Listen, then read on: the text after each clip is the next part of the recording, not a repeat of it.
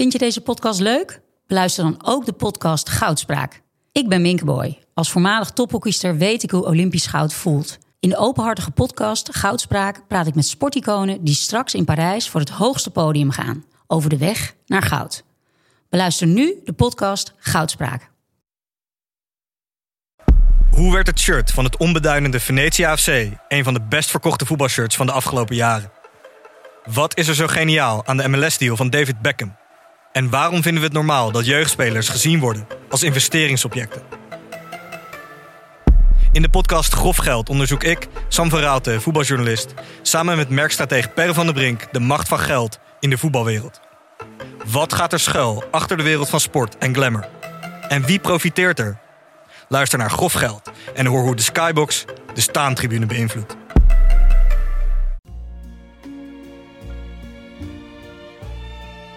En een echte Duitser die worstelt nooit met zichzelf. Die, Nee. die, die, die verslaat de tegenstander, die doodt alles wat op zijn weg komt. And uh, there used to be a ballpark where the field was warm and green. And uh, the people played their crazy game with a joy never seen. And the air was such a wonder. Hartelijk welkom bij de Hartgras podcast over het EK 2020. Sommigen zeggen 2021, anderen zeggen 2020. Eh, deze uitzending wordt mede mogelijk gemaakt door Toto. Ehm, dat wil zeggen met uitzondering van mensen die de 18-jarige leeftijd nog niet hebben bereikt. Want die mogen helemaal niet iets doen voor de Toto. Dat is wettelijk verboden. En ook eh, door Ocean Outdoor. Je weet wel, van die reclameborden langs de snelweg. Rechts van mij zit Janneke van der Horst. Mijn naam is Henk Spaan. Links van mij zit Michel van Egmond. En uiterst rechts van Janneke zit Frans Tomezen. Nou, ik zeg eh, Frank de Boer. Wat zeg jij, Michel? Eh, dan zeg ik Louis van Gaal inmiddels. Serieus? Ja, het zal wel moeten, toch? Wie anders? Ik heb gehoord uit betrouwbare bron dat Louis zijn punten heeft laten verlopen. Ja, ja, dat maakt nog niks uit. Het, eh, eh, dispensatieregelingen, gedoe. Dan moet de KNVB in actie komen. Dat regelen ze wel. Oh, oké. Dus we hebben hier één stem op Louis van Gaal. Janneke? Ja, dat wilde ik dus ook zeggen. Ik ben een grote voorstander van Louis. Ja? Ja. Dus Ja, de ik- enige, grote- die dit team kan op de rit kan krijgen is Louis van Gaal. Ik ben geen grote voorstander hoor. Oh. Nee, maar wel in dit geval. Ja, dat is de enige die het eh, kan, denk ik. Oké. Eh, Memphis is anti-Louis, dacht ik. Ja, maar dan moet je toch een keuze maken. En dan kies je voor Van Gaal. Ja. Oh ja. Frans? Ja, ik had het om sentimentele redenen Giovanni van Bronckhorst, maar die schijnt heel slecht te zijn volgens iedereen. Maar ik heb het idee dat iedereen het kan. Als je eh, je oor te luisteren legt in de samenleving, is, kan het toch niet heel moeilijk zijn om eh, elf spelers te selecteren en die eh, naar voren te sturen. Dus, en Giovanni van Bronckhorst is wel een, eh, iemand die een team kan formeren. En als je nu naar de EK kijkt, zijn het de teams die het best presteren en niet de sterrenformaties. Dit is ook wel een kracht van Van Gaal natuurlijk. En nou, we kunnen een combinatie bedenken met Van Gaal als supervisor, Van Bronckhorst als assistent. Zou kunnen, ja, Van Gaal is al gauw de leider. Hè? Ja, Ja, ik denk dat omgekeerd moeilijk wordt. Maar jij hebt je nog niet uitgesproken, Henk. Ehm, ik vind eh, de namen die ik hoor, Ten Kate, Gullit, eh, andere ex-voetballers. Ik vind dat we moeten stoppen met eh, zomaar ex-spelers van straat te plukken en die voor een groep te gooien. Want ze hebben geen opleiding, die types. Ik ben heel erg voor een buitenlandse trainer. Bijvoorbeeld eh, Martinez van België. Ehm, die eh, wordt misschien wel kampioen met België. Dan moet hij daar weg. Eh, of hij verliest met België. En dan moet hij misschien ook weg. En ehm, ik zag een persconferentie en Thomas Rijsman twitterde dat ook. Deze man komt uit zijn woorden. Hij maakt zinnen af. Zinnen soms wel van meer dan twintig woorden. Hij spreekt heel goed Engels. Eh, hij heeft een, eh, volgens mij een, een master in business administration aan de Universiteit van Ja, Man- joh, maar dat doet er toch allemaal niet toe, Henk. Jawel. Kijk, het ergste is dat als hij straks kampioen wordt met België, gaat, kan hij ergens 6 miljoen per jaar verdienen. En dat kan de KNVB nooit betalen. Dus dat Nee. kan je hem gelijk afschrijven. Dat is een feit. Waarschijnlijk verdient hij nu ook meer, misschien zelfs dan bij. België, weet ik eigenlijk niet. Hij verdient nu al veel geld. Ja. Meer dan de KNVB bereid is te betalen. Maar ik vind ook, als je kijkt naar die KNVB... Ik zag een foto van die Nico-Jan Hoogma... ja. die daar met zijn handen in zijn zakken... als een boer net van zijn tractor af... de pers te woord staat. Dat kan toch niet? Die gun je toch niet eh, een nette trainer? Ja, je kijkt me zo aan. Ja, ik weet het niet, maar die KNVB, d- dat vind ik zo gek. Al die voetbalkenners hebben het altijd over de KNVB, maar dat zijn toch altijd van dat soort eh, bestuurders die eh, heel goed in vergaderen zijn. Dus Ja. het is toch... eh, Ik heb het idee dat eh, de, de adem van eh, Jan Smit daar nog steeds rondwaart. En dat het allemaal Oost-Nederlanders zijn. ja, dat is niet best. Ik denk ook dat Louis van Gaal daar je dus juist goed op zijn plek is, want die trekt zich daar niks van aan. En, Nou. ik, en ik vind eigenlijk, maar dat is een, niemand is het daar met me eens, maar dat je met een nationaal team moet je het moet doen met mensen die je in je eigen land hebt. Waarom? Nou, de spelers, Ja. allemaal Nederlands zijn. Ja. En voor mij, dan, dan moet je het gewoon doen met iedereen die je hebt. Ik vind het een beetje vals spelen om een buitenlandse trainer te vragen.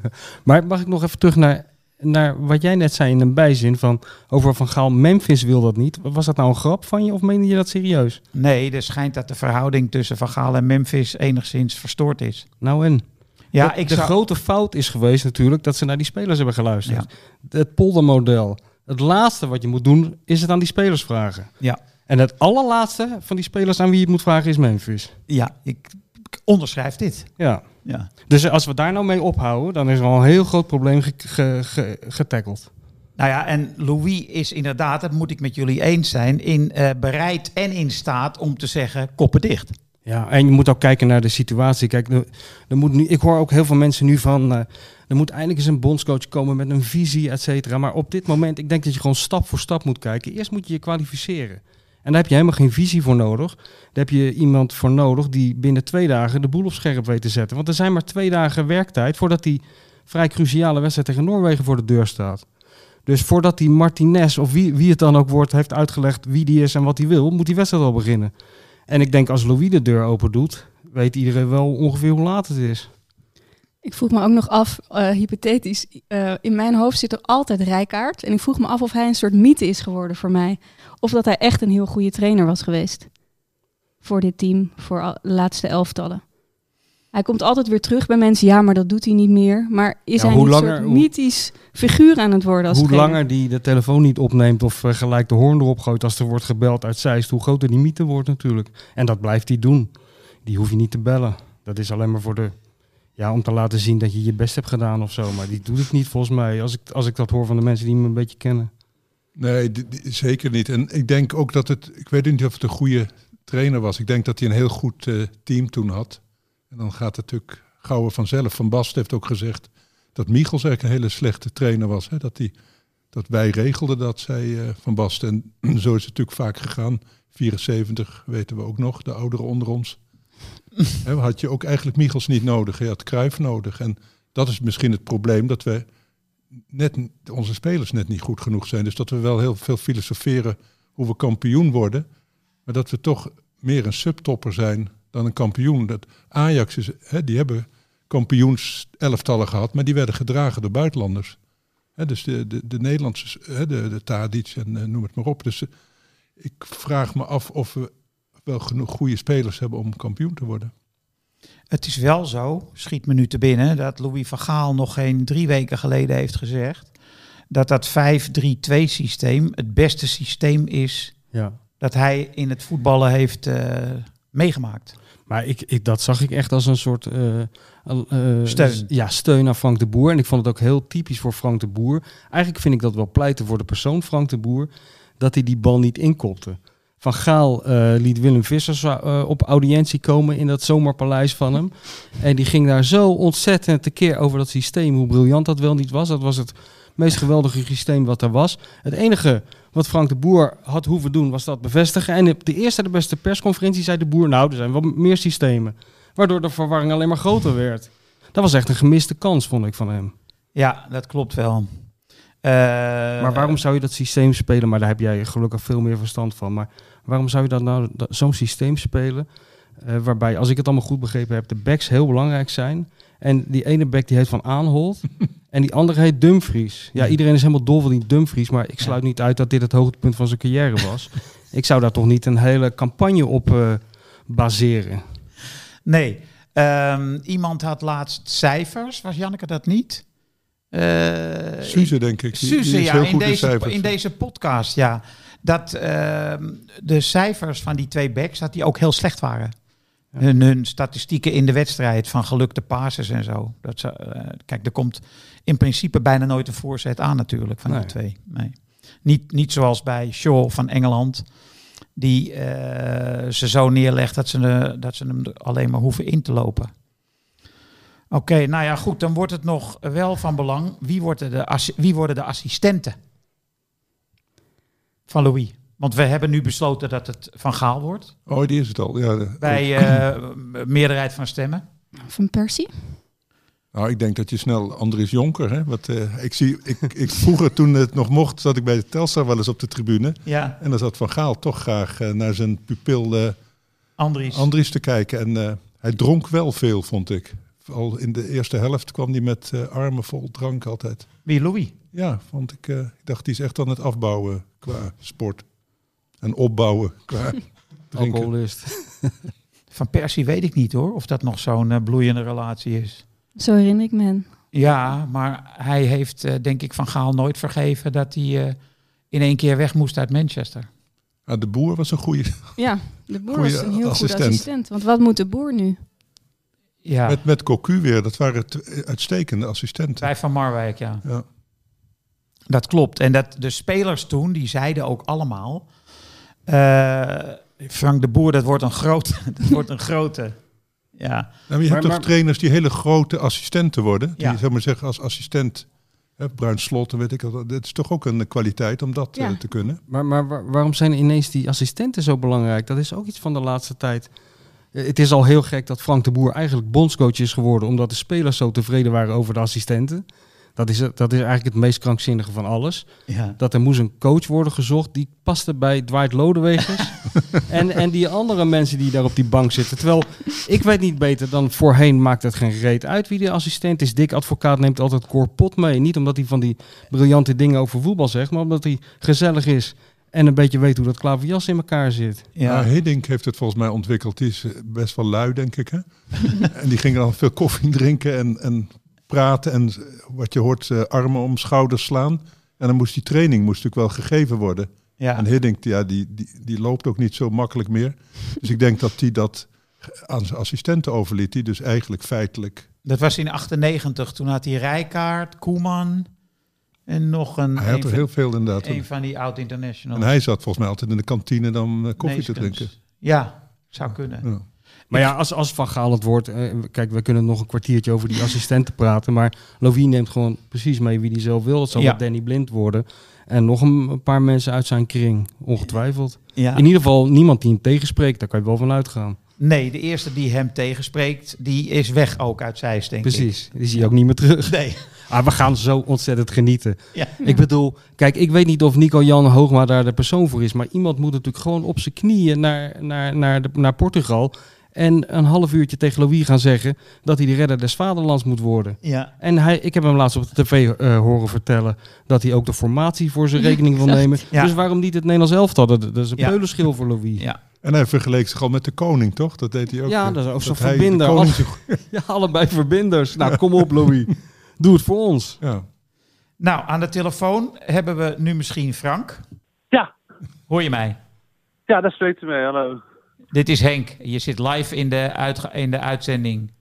Wat fijn, Henk, om jouw stem eens een keer eh, andersom door een telefoonlijn te horen. Ja, jij bent nu aan de telefoon, dat klopt. Mijn god, hoe is het met je? Ja, waarschijnlijk is het wel uitgebreid over gegaan, maar ik ben echt helemaal, helemaal bijna verliefd dat ik je weer hoor. Eh, hier moet ik even nog even lang over nadenken. Ik weet niet precies hoe ik hierop moet reageren. Hey Frank, wij hebben, he- wij hebben helemaal niet aan hem gevraagd hoe het met hem ging. En jij bent verliefd op hem. Ik ben zo blij Hè? dat jij... Wij hebben niet eens aan Henk gevraagd hoe het met hem ging. Ja, gewoon. We gaan nog gelijk over voetbal lullen. Ik, we, we hebben gisteren een horrorovertreding gezien van die, van die Zweedse verdediger, die, die Dan, Danielsson. Nou ja, dat gebeurde ook met de knieën van Henk een paar maanden geleden. Ik ben blij dat je nog vlak voor jouw radioshow gaat beginnen even tijd kon vrijmaken, Frank. Ja, tuurlijk. Wat heb je gisteren gezien? Jouw favoriet Engeland? Nou, kijk, ik heb Engeland altijd hoog, eh, hoog gezet in al mijn poeltjes. Ik had er ook zin in, zeker met de wetenschap, hè, Wembley halve finale en Wembley eh, de grote finale. Dus, dus ik heb dat al helemaal in de eerste EK-podcast van Hartgas ook al geroepen, dat ik, daar, eh, dat ik daar geloof in had. En eindelijk leek het er een beetje op. Ja, Kane scoorde natuurlijk, dus daar was ik heel blij mee. Die was ook mijn topscorer vaak in andere poeltjes. Ehm, dus dat, ja, die, die loste eindelijk zijn verwachtingen een klein beetje in. Het was nog steeds, hield het niet echt over, maar het was in ieder geval iets. Ja, en verder heb ik dus van de tweede helft en de verlenging van Zweden-Oekraïne meer genoten dan de rest van Nederland. En heb ik me vooral opgevroten over Rafael van der Vaart, die er als een zoutzakje zat te klagen dat hij zo laat op tv moest zitten. Ja, het Dus is, eh, ik heb een bewogen avond gehad. ja, het is echt wel de, de toernooi van de analisten en de kritiek daarop, hè? Oh mijn god, ja. Maar het is toch, kijk, met hoeveel plezier en liefde wij deze podcast altijd maken. Zet ons daar neer met z'n allen. Ik hoor Michel alweer eh, lekker, huppakee, vol erop naar Edwin in de vorige podcast ook. Jij bent weer in levende lijf aanwezig. Eh, het is het mooiste wat er is, die sport, met alles wat er omheen komt kijken. En dan ga je daar een beetje lopen janken. Die Forsberg, die, die van, van Zweden, ja, die heeft wel een visitekaartje afgegeven dit toernooi. Dan heb je het daar toch over? Of Ja. die, die, die spits die, van Oekraïne die in de laatste minuut erin komt met zijn mannen BH waar de hartslag mee wordt gemeten. Dan heb je het daar toch over? Kom op, er is zoveel over te lullen. Nee, het klopt, want eh, ik heb gezien eh, toen de eerste goal viel van Engeland, hoe die eh, commentatoren in de studio van de BBC reageerden. Heb je dat, heb je dat shotje gezien? Nou ja, ik heb alleen Klinsman zien huilen over de reden. Nee, maar eh, alle drie, Lineker en eh, Ferdinand en Shearer en zo, ze stonden allemaal werkelijk helemaal uit hun dak te gaan. En te schreeuwen en te gillen. Maar het was echt eh, niet, niet à la van de, van de vaart, nee. Nee. nee. Henk, Henk, ik moet ophangen, want de uitzending begint. Oh, vlug weddenschap. Over 30 Italië. België. Italië, België, Italië gaat winnen met... nee, België gaat winnen met 3-2, sorry. Heel erg bedankt, Frank. Toppie, tot later. Dag. En dan vergeet ik nog te zeggen, succes met de uitzending. Ja. Want dat eh, hoor je dan altijd te zeggen. Nee, heb jij dat, hebben jullie dat gezien? Hoe die eh, analisten Ja. bij, de, bij de BBC eh tekeer gingen? Ja, maar voor hun is het nog groter trauma dan voor ons, die eh, Duitsers. Want ze hadden sinds 66 hè, die, die omstreden overwinning Ja. altijd verloren van die, eh, van die lui. En ja, die, die, die konden het eigenlijk niet geloven dat ze de Duitsers konden verslaan. Dus dat was wel mooi, vond ik. Ik Ja. moest de hele wedstrijd aan jou denken, Frans. Als die Nou ja. Duitsers spelen, moet ik altijd aan jou denken. Ik ben in, in zekere zin mijn voetbalidentiteit een beetje kwijt. Want Duitsland is voor mij altijd het contrapunt geweest. Je hebt voetbal en de Duitsers, zou ik maar zeggen. En die Duitsers die verpesten iedereen's dromen. Hè. Die, dat is een soort nachtmerrie team, eh, vergelijkbaar met een leger enzovoort. En dus dat, eh, ja, dat is nu weg, want het is nu een heel zwak team met allemaal individualisten. Vroeger stelden ze gewoon elf Duitsers op en dan wonnen ze. En nu heb je de enige echte Duitser, nog Müller. En voor de rest zijn het allemaal van die individuen met, met volgens mij problemen ook. Zoals Sané bijvoorbeeld, dat is echt zo'n problematische jongen die veel met zichzelf worstelt. En een, en een echte Duitser die worstelt nooit met zichzelf. Die, Nee. die, die, die verslaat de tegenstander, die doodt alles wat op zijn weg komt. Nou, symbolisch daarvoor was natuurlijk wel de kans die Müller miste. Ja, een soort malen. Het is, nou, maar het is besmettelijk. Dus dat zelfs Müller zijn Duitse aard verloochent, dat is natuurlijk eh, ja, tragisch. En die, en die Mu- Leu, dat is begonnen dat die Leu zijn hand te veel in zijn broek stak. Hè, dat, eh, dat deden de nazi's niet, zou ik maar zeggen. Dat- Nou, dat heeft nog lang geduurd voordat het woord nazi's viel, Frans. nou ja, dat, het, het, voor, die, voor die Engelsen geldt het wel. Die hebben twee wereldoorlogen met die, eh, met die gasten uit moeten vechten. Ja. Wij maar één. Dus zij, de Eerste Wereldoorlog was nog zwaarder eigenlijk voor ze. Ja. dan de tweede. En zij hebben echt veldslagen geleverd. Wij zijn gewoon, eh, we hebben opgegeven en eh, onze burgers af laten voeren. Maar zij hebben natuurlijk tot de laatste man eh, gevochten en Duitse steden gebombardeerd enzovoort, in die loopgraven gezeten. Dus bij hun leeft dat enorm. Mijn vader heeft wel op de kop van de afsluitdijk op Duitse vliegtuigen geschoten. Dus het was niet een kwestie van eh, even overgeven. Ja, die Rotterdammers. Ik bedoel, Ja, hè? Daar, eh, daar ging het fout. binnen vijf dagen en opgeven met de witte vlag. Ja. Ja, meteen het wapperen van die Ja. daar. Nee, maar eigenlijk was alles, alles goed aan... Dat kon ook niet anders aan die wedstrijd, hè? Eh, behalve de wedstrijd zelf, vond ik. En, en ik vond echt een teleurstellende wedstrijd, een teleurstellende spelopvatting van Engeland. En het ergste vind ik eigenlijk dat ik, hoorde ik vanochtend via Pieter Zwart, ik weet niet of jullie die volgen, de hoofdredacteur Ja. van Voetbal International, die, die pluist alles tot ver achter de komma uit. En eh, ik moet er soms om lachen, maar het is ook heel eh, interessant om eigenlijk te volgen wat hij er allemaal van vindt. Maar hij vertelde dat die speelstijl van, van Engeland, dat, dat Engeland, en dat vind ik echt heel zorgelijk, dat Engeland eh, door allerlei data-analisten de plaag van het voetbal heeft laten uitzoeken hoe je nou Europees kampioen wordt. En daar kwam uit, twee dingen moet je doen. Je moet op de nul spelen en je moet zo langzaam mogelijk opbouwen, in hun geval.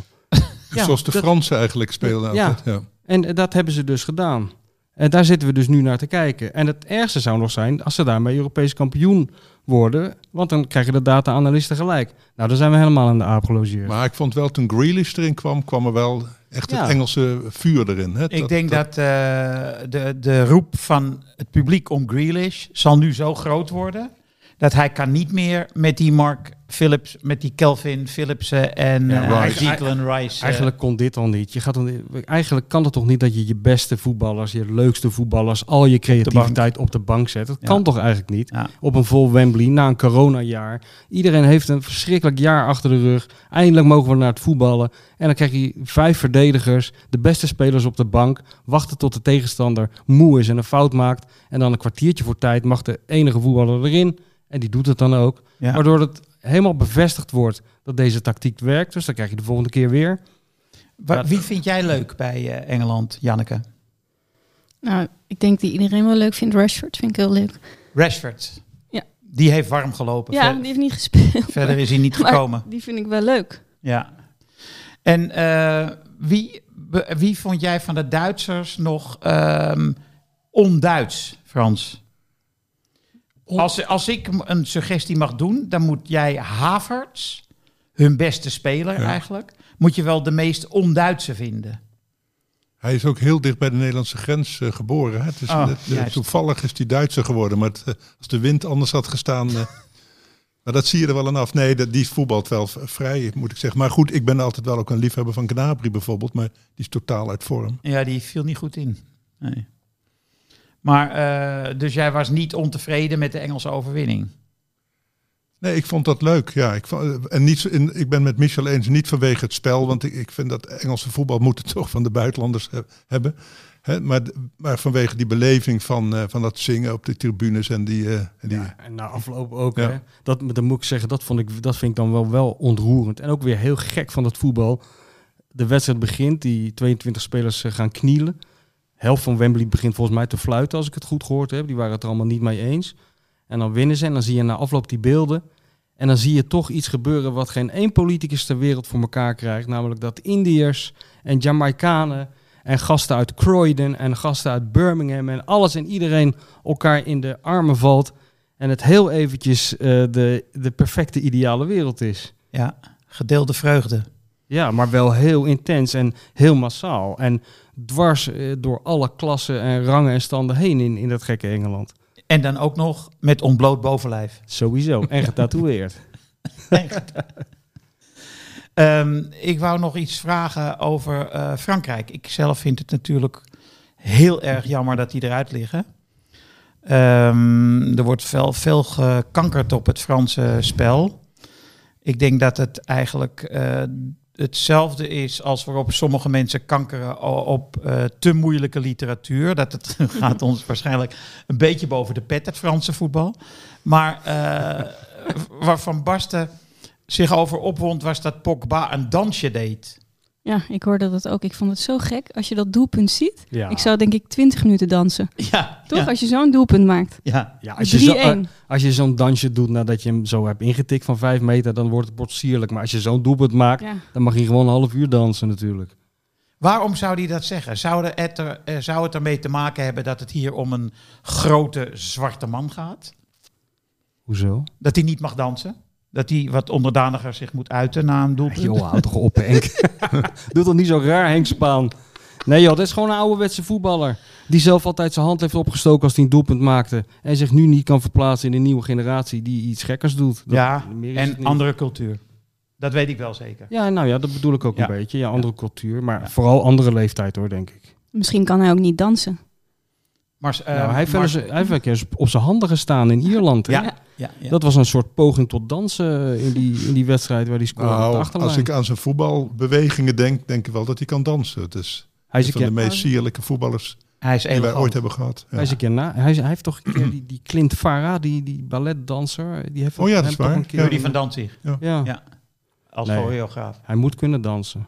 Ja. Dus is het eigenlijk des te gekker dat hij zich daar dan aan, aan ergert. Ja, maar die, die- dat ken je toch van oud voetballers. Dat is ook de reden waarom. Kijk, voetballers hebben een hekel aan kritiek. Sowieso kunnen ze niet tegen kritiek, de meeste. Ze hebben een hekel aan kritiek van publiek en journalisten. Maar wat ze het ergste vinden is kritiek van oud voetballers. Ja. Omdat die zich niet meer kunnen verplaatsen en alles relateren aan hun tijd. En dat was hier volgens mij aan de hand. Maar Ja. om nou eh, de VOC-mentaliteit erbij te halen en de slavernij, dat Nee. vind ik een beetje overdreven. Nee, ik, moet ook, ik, moet, eh, ik moet ook maar wat opwerpen. Ja, ja, dat doe je Ik goed. zit hier als aangever. Henk ja. is woke. Ja, Henk is woke. En Henk moet ook heel lief tegen ons doen, want wij moeten hem straks die trap af naar beneden dragen met twee knieën.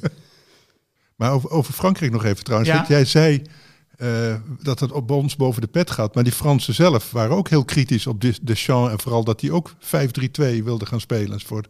Dat werd daar ook niet gepruimd. Dus het eigenlijk hetzelfde als bij ons. En je kunt ook zeggen, ja, ze, hij haalt ook Griezmann eruit die hartstikke goed speelde. Hè, dat misschien niet zo als Malen zo beslissend, maar waarom haalt hij die eruit? En die, en die, ja, die Coman? Ja, dat vond ik wel een heel raar moment. Want eh Coman die had duidelijk een spierblessure. Die maakte enorme ruzie met de verzorger die hem het veld uit wilde helpen. En die sloeg hij eigenlijk gewoon weg, woedend. Hij wilde doorspelen. En later, even later, toen was er een eh, waterdrinkmomentje. Toen ging hij die ruzie voortzetten met Deschamps. En eh, hij wilde gewoon het veld niet uit. Ja, ik begreep dat het te maken had dat hij voor zijn imago dat niet wilde, omdat hij was ingebracht en er weer uitgehaald zou worden. En hij kennelijk een geschiedenis heeft van blessures, Ja, maar vooral van net niet goed genoeg spelen volgens mij. Maar, hè, en daarom wou hij er niet uit. Dat voor zijn marktwaarde is van helemaal een triest verhaal. Dat eh, zou ik hem meteen hij uit de selectie flikkeren eerlijk gezegd. Nou ja, ik, ik dacht wel van het ziet er niet goed uit als Deschamps niet in staat is om zijn wil op te leggen aan deze invaller. Die toch niet een van de steunpilaren van Frankrijk is. Nee. Dus eh, eh, de Franse bond heeft nu ook gezegd van we gaan rustig evalueren. Dus misschien is het wel zo dat ehm Zidane niet naar het Nederlands elftal komt. Nee, dat hebben wij weer die pech. Anders, anders stond hij al klaar met zijn koffers natuurlijk. Maar Henk, had jij bij die strafschoppenserie ook het idee, elke keer dat een van de Fransen ging, op die stip ging staan, het idee die gaat missen? Nou, Ik, had, ik vond dat ze allemaal een gespannen indruk wekten. Ja, het, het was wel zo dat je weet dat statistisch gezien wint degene die de eerste Ja. neemt. Dat was eh, in dit geval de tegenstander, Zwitserland, helaas. Ehm, dus sowieso zit je, zit je al in de piepzak. Eh, hangt Hugo al, eh, pellen? Hugo, Pellen. eh, dit is Henk. Henk, Ja. bel jij mij? Ja. hey, Matthijs ben, eh, ben je. Zie, Ik denk, ik denk dat ik Hugo aan de telefoon heb. Nee, ik word gebeld door Pellen. Ja. Ik neem op en ik heb jou aan de lijn. Ja, dat, dat- hij heeft namelijk snufjes hier in die studio. Die heb jij wel eens meegemaakt ook. Die, eh, waarvan je kunt zeggen, de techniek staat voor niets. Pellen is inderdaad van alles voorzien inmiddels. Ja, ja van snufjes. Ehm, Ja. Even terugkomend, we hebben het er al uitgebreid over gehad. Wat was jouw eerste reactie toen je hoorde Frank de Boer houdt ermee op? Eh, mijn eerste reactie was eh, eindelijk. Of, eh, zo moest het zijn. En eh, ik, had, ik had er verder niet echt een, een buitengewoon grote emotie bij. Omdat ik dacht, ja, dit is een chroniek van een aangekondigd afscheid. Al Ja. een tijdje. Ja. Eh, hier in de studio is iedereen ik heb me daarbij aangesloten omdat de meeste stemmen gelden. voor de terugkeer van Louis van Gaal als bondscoach. Ja, ik kan je zeggen, ik was vanochtend in het dorpshuis, uiteraard, nadat ik ook in het dorpszwembad. Ja. Eh, aan de stamtafel was men het ook unaniem eens dat Louis van Gaal terug moest komen. Dus Almen, Achterhoek, Ja. eh, is ook eh, zeer voor de terugkeer van Louis van Gaal. Nou ja, dan lijkt het bijna een gelopen koers. Ja, de, hier was ook de mening van de dorpsoudste. Ja. Dat de jongens als Depay en, nou ja, vooral Depay eigenlijk, maar misschien toch ook een beetje Frenkie en Wijnaldum echt wel tucht nodig hebben. Ja, ja. De documentaire van Depay heeft daartoe bijgedragen. Die, die heeft enigszins kwaad bloed gezet. Ja, dat, dat kan je nu wel zeggen, ja, met terugwerkende kracht, ja. Dat werd er niet beter op. Nou ja, oké. maar eh, hier zeggen ze van eh, Louis heeft binnen twee dagen de zaak op de rit. Nou, ik denk het ook. Het, het schreeuwt om Louis. Ik weet alleen niet, en jullie zijn beter geïnformeerd dan ik, want nogmaals, hier spreekt de Achterhoek. Heeft Louis al te, te, te, te kennen gegeven dat hij de trek in heeft? Ja, dat weet je niet. Hij gaat natuurlijk niet zeggen van ik wil dolgraag, want dan eh, maakt hij zijn eigen positie weer zwakker. Maar Ja. eh, iemand van de KNVB... Oh ja, we hebben een nieuwe voorzitter bij de KNVB, hè? Ja. Die, die voorzitter van Zeeburgia. Marianne van Leeuwen heet ze niet zo? Ja. Oh ja, die vrouw. Ja. Ja, dat is leuk. En ja. Lou- Louis is wel gevoelig voor, ehm, voor vrouwelijke overtuigingskracht. Dus, dus zij moet dan eh, in principe naar Portugal. Oké, met welk dreamteam zit je er eigenlijk, Henk? Links van mij zit Michel, rechts van mij Janneke en daar rechts van Frans. Oké, oké, oké, oké. Ja. Ja, ja. Matthijs, ehm, ik zit hier ook natuurlijk om jou te vragen naar je prognose. Eh, in verband met eh, de Toto naar de uitslag, van de uitslag België-Italië. Heb je daar een opinie over? 2-0 Nee, zeker. Heb ik ook al lang over nagedacht. En het wordt 2-0. voor de Belgen. Twee keer Lukaku. Ja, klopt. Oh, twee keer Lukaku. Niet te bruine dus. Dat is interessant. nee, nee, nee, Nee. nee. Die komt later misschien. Het is nu de wedstrijd van Lukaku. Ah. Oké. Ja. hey, Matthijs, heel erg bedankt. Ja, mag ik nog één vraag stellen, Henk? Ja, Want ik moet zo een stukje rijden. Welke jazzmuziek moet ik opzetten? Vraag het even aan Michel. Michel, welke jazzmuziek? Even, even kijken. Het Mulgrew Miller trio zou ik eens opzetten. Er Ja, die, die heb je hem laatst gestuurd. Ja, die vond zit- ik erg goed. Oh, die heb je al opgezet. Nou, maar er staan heel veel platen van op Spotify, Matthijs. Ik weet niet waar je heen moet, maar je kan ermee tot aan ver tot in Limburg kan je daarmee eh, bereiken. Oké, Michel, dankjewel. Waarom vraag je dat niet aan mij? Eh, nou, ik, nou, dat is inderdaad een goede vraag. Eh, mijn inschatting was dat Michel meer jazzkennis heeft dan jij. Maar ik kan het ook aan jou vragen, Henk. Welke jazzmuziek moet ik, mee, moet ik opzetten? Alles van Peggy Lee. Ook niet slecht. Een zangeres weer is. Ja, dat is ook een goed idee. Oké. Reizen. Dag. Hoi. Ben jij jazzkenner? Geen kenner, maar wel liefhebber. Liefhebber. Ja. Zeg jij ook jazz? Ja, maar dat doet nou werkelijk iedereen. Kijk, er zijn twee dingen in mijn leven. Als ik tegen mensen zeg dat ik uit Zoetermeer kom, dan gaan Ja. ze kijken of ik een bedorven ei in hun mond heb gestopt. Alsof ik, alsof ik uit Stalingrad kom, eh, Nee, 1942. dat heb ik nooit En? bij jou gedaan. Nee, maar dat komt waarschijnlijk dan nog. Eh, en als je het woord jazz zegt, dan gaan mensen of heel aanstellerig met hun vingers knippen, of ze gaan het woord jazz zo raar uitspreken, zoals jij doet. Ja. Eh, nee, Dat doen andere mensen met Frans voetbal, maar jij doet dat met jazz. heb jij... Waar, waar zaten we toen te eten eh, met de hartgrasvoorstelling? Was dat Zoetermeer? Eh, dat Dat jij verkeerde... verkeerde restaurant had gekozen, maar dat had ik niet gekozen. Ik had juist gewaarschuwd dat we in het verkeerde restaurant zaten. Maar jij werd toch... Ik werd niet ziek, maar de rest werd wel ziek. Ja, dat had ook wel een soort rot ei eh, te maken. Dus dat Zoetermeer, Mijn- dat heeft Mijn toch... eh, Zoetermeerse maag kon daar tegen, maar die, al die zwakkelingen uit dat eh, halfzachte Amsterdam, die hingen allemaal boven de pot. het was bij de Chinese muur of zoiets. Hè? Zo'n, ja, eh, ja, ja. iets dergelijks. Was jij erbij? ja, met heel veel, zo'n restaurant met heel veel nummers op Ja. voorraad. Ja, jullie allemaal de verkeerde nummers Ja. gekozen, jongens. en maar niet luisteren naar mij, hè. Janneke, wat vind jij van Italië? Er wordt heel erg over... eh, mensen zijn heel erg opgewonden over Italië. Ja, volgens mij is de opwinding inmiddels weer ietsje minder, toch? Door die laatste Ja. wedstrijd. Ja? Ehm, ja, mijn dochter is voor Italië nu. Ja? Dat gaat heel makkelijk. Eerst was voor Nederland, toen voor Frankrijk, eh, nu voor Italië. Ja. Eh, ik ben toch wel voor België. Maar ik denk, ik denk dat Italië gaat winnen. Oh ja?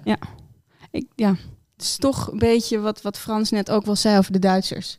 Dat heb je met Italië ook wel een beetje. In ieder geval wij, Nederlanders en ja, misschien de Belgen ook. Ja, het is wel zo dat die Duitsers, die hebben dat dus niet meer. Maar hebben de Italianen het Italiaanse nog?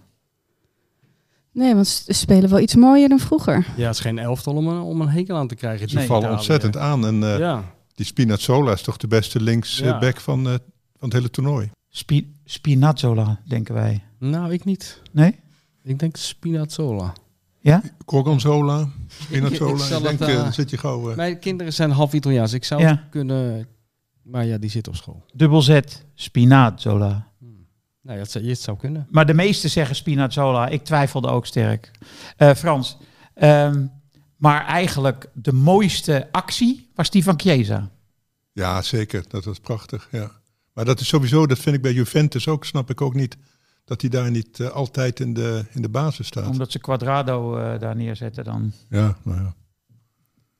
Ja. Goed, ja, dat, maar dat is bij ons ook. Wij zeiden ook, we kunnen, als we Dumfries opstellen, hoeven we Berghuis niet op te stellen. Slaat toch ook nergens op? Nee. Maar dat zijn van die rare trainerspraatjes. Want eh, Ja. Ehm, ik dacht even aan Bergkamp. Maar dat, Ja. maar dat werd weer een beetje belachelijk gemaakt. qua schoonheid bedoel je? Ja, ook Ja. maar type doelpunt ook. Ja, ja. Dan moet ik ook een beetje aan Dolberg denken. Dolberg. Ja. Nou, Dolberg was lekker bezig trouwens. Maar hè? niet bij die goal van Chiesa. Nee, nee, maar over mooie doelpunten. Ja. dat ik is- vond dat Dolberg, dat Ajax die moet terugkopen. Ze, kopen, Ja. ze wouden Brobby terugkopen. Volgens mij moeten ze nu Dolberg eh, terugkopen. is misschien een beetje duur. Ik denk dat Robbie goedkoper is, maar ja. Ja. Ehm, ja. Hij was echt goed weer, vond ik. Ik vind hem ook een van de mooiste spitsen die. Ajax een hele tijd had gehad. Ik was echt verdrietig dat hij wegging. Omdat ik echt heb gedacht bij hem, dit, dit gaat hem worden. Hij gaat doorbreken. Ja, dat dacht ik echt. Ja. Dus daarom doet het me wel deugd om toch nog een beetje gelijk te krijgen. Want nu heeft iedereen het over Dolberg. ja. Over twee weken niet Ik meer. heb het er verder tegen niemand over. Maar ik denk, Nou ja, jij zegt over twee weken. Nederland ligt er nu eh, een dag of vier, vijf uit. Eh, we doen het met eh, België, Italië, Oekraïne, Tsjechië, Engeland. Ehm, jij hebt rekening gehouden misschien wel met speeldata van het Nederlands elftal. Maar weet jij nu bijvoorbeeld wanneer de eerstvolgende wedstrijd is? Nee, nou, En wie tegen wie moet? België, Italië. En ik hoorde toevallig, ving ik net op aan deze tafel van mensen die er meer verstand van hebben, dat dat volgens mij vrijdag is. En dat komt goed uit, want mijn- dan ga ik met mijn kinderen kijken. Dat vind ik leuk, want je moet toch iets zoeken in zo'n toernooi. Hè, een soort haakje waaraan je je interesse kan ophangen. Want gisteren bijvoorbeeld die wedstrijd Zweden-Oekraïne, dat haal ik niet. Nee. Dat eind, dan, ga, dan zet ik hem uit, dan ga ik wat anders doen en dan kijk ik nog even de laatste kwartiertje of zo. Dus je zoekt altijd wel naar iets, toch? Maar het is ook, het is sowieso niet dat ik voor eh, voetbal mijn agenda uitruim, hoor. Eigenlijk helemaal niet. Ah. Doe ik eigenlijk sowieso al een hele tijd niet. Ook niet. Feyenoord.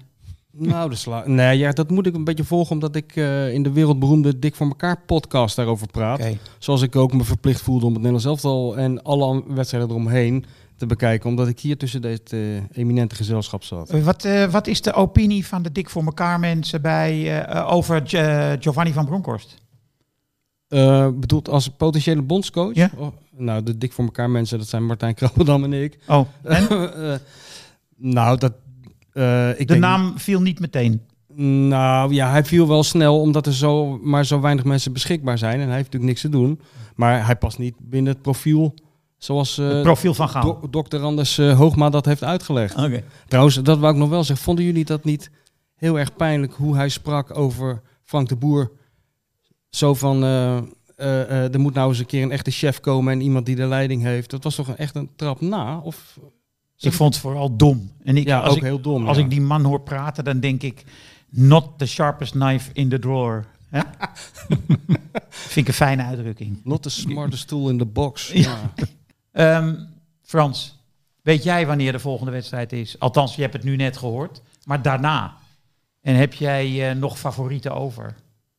Ja, ik, mijn favoriet is denk ik toch wel België. En, eh, want ik ben een enorme De Bruyne fan. Dat vind ik echt eh, de, de, ja, de mooiste voetballer die er eh, rondloopt eigenlijk.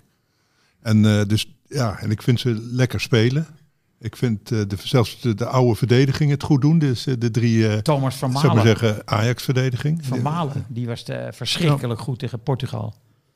Ronaldo, die, had niets in te brengen.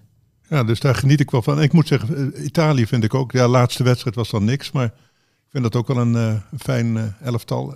Engels heb je altijd sympathie voor. Hè? Dus dat is ook een beetje zo'n underdog eh, team. En eigenlijk verliezen ze altijd. Maar dat, dus het, eh, ja, dat ho- daar hoop ik dan ook wel op. En, ja, maar die kant gaat het toch. Kijk, ze hebben het nu alleen maar weer over de finale op Wembley. Hè? Ja. Ze staan weer een paar stappen Ja. over. net zoals wij, hè? De- Net als wij. Het is altijd, maar dat hele voetbal, ik weet niet of jullie dat in de gaten hebben, is sowieso een constante herhaling van zetten. Het is elke keer hetzelfde, alleen met andere poppetjes. En nu gaat het bij Engeland weer gebeuren. En ja, daar kan ik me ook enorm op verheugen, net als Ja. Frans.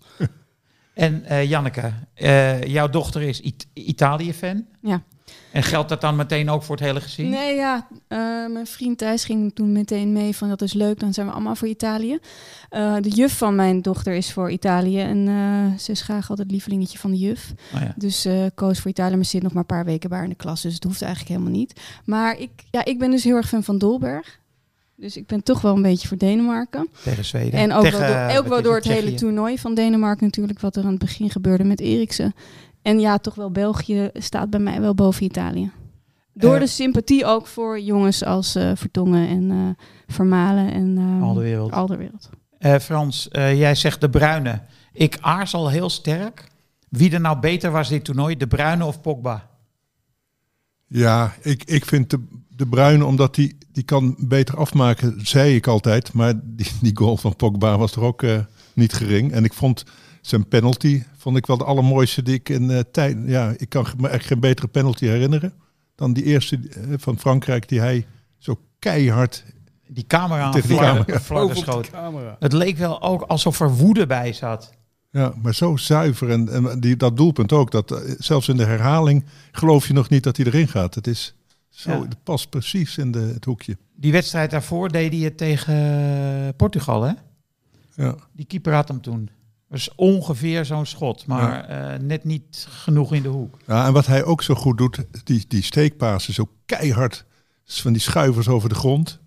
En, eh, en dat doet de Bruine, die speelt ook veel verder naar voren. Dus in die zin zijn ze ja, niet helemaal vergelijkbaar. Hè? Dus, eh, Dat klopt. De Bruyne speelt aan de linkerkant vaak. Als een soort hangende... Ja, als Hazard daar naar binnen gaat, dan komt de Bruyne daar.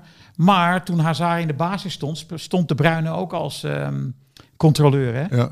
Op dezelfde positie als eh, Pogba staat. ja, maar dat vind ik het knappe. De Bruine, dat, wat Frenkie bij ons heeft, dat hij op alle, die kan zo goed voetballen, wat Cruijff vroeger had. Hè, op alle posities kunnen die jongens wel eh, uit de voeten. Dat vind ik altijd wel bijzonder. Ja. Ik eh, denk nog even aan Modric.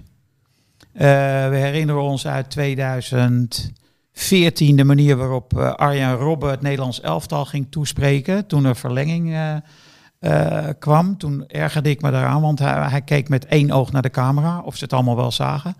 Terwijl die Modric, die eh, ging echt vol, ging die, eh, nam die het heft in handen hè, tegenover zijn medespelers. Heb je dat gezien? Ja, was mooi om te zien. Ook de devote manier waarop daarna geluisterd werd. Ook de coach die gelijk door had.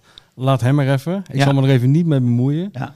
Was goed. Ja, Ehm, ik had gisteren in mijn column staan dat we hebben Modric belachelijk gemaakt. Eh, toen hij werd gedold door Frenkie de Jong tegen Ajax. Maar ik heb daar voor jullie allemaal mijn verontschuldigingen voor aangeboden. Terecht. Want ehm Modric is nog altijd de grootste van deze twee spelers. Ja. En de meest volwassen. Dat gemekker van die Frenkie de Jong tegen die scheidsrechter. Daar werd ik moe van zeggen. hey. Echt. Ja, ik weet niet of je hier eh, kritiek mag uit op Frenkie de Jong. Maar ik- wou het toch eh, even heel voorzichtig doen. Jezus, was dat irritant zeg. Kreeg, Laten we nou ophouden met die jongens. eh, Het past, maar het past ook niet echt bij hem, hè? nou, het past wel bij hem, want hij doet het wel vaker. Hij lijkt in ontzettend veel dingen op Johan Cruijff. Ja. Die versnelling in de versnelling en die bal eh, ophalen en er zelf van die, maar ook in dat geouwehoer tegen die scheidsrechter. ja. En dan moet hij toch vanaf, maar daar helpt Louis hem wel Maar mee. daar gaat Louis hem bij helpen. Ja. En op deze vrolijke noot kunnen we dan eh, afsluiten. Eh, Hugo Borst die heeft een eh, stand van 2-2 eh, voor de uitslag België-Italië. Eh ik zelf heb 2-1 voor België staan. Voor, eh, voor 12 euro. Matthijs zegt 2-0 voor 18 euro. Ik, ik snap nooit wat van die quota. maar in ieder geval, en dat is in dit geval wel pijnlijk, want deze uitzending is mede mogelijk gemaakt door de Toto. Behalve eh, als je beneden de 18 bent, want dan heb je niks te maken met de Toto. En ook door het schitterende bedrijf Ocean Outdoor. die gewoon de leukste quote van deze uitzending langs de snelwegen, de Nederlandse snelwegen, ophangt. Hartelijk dank voor het luisteren.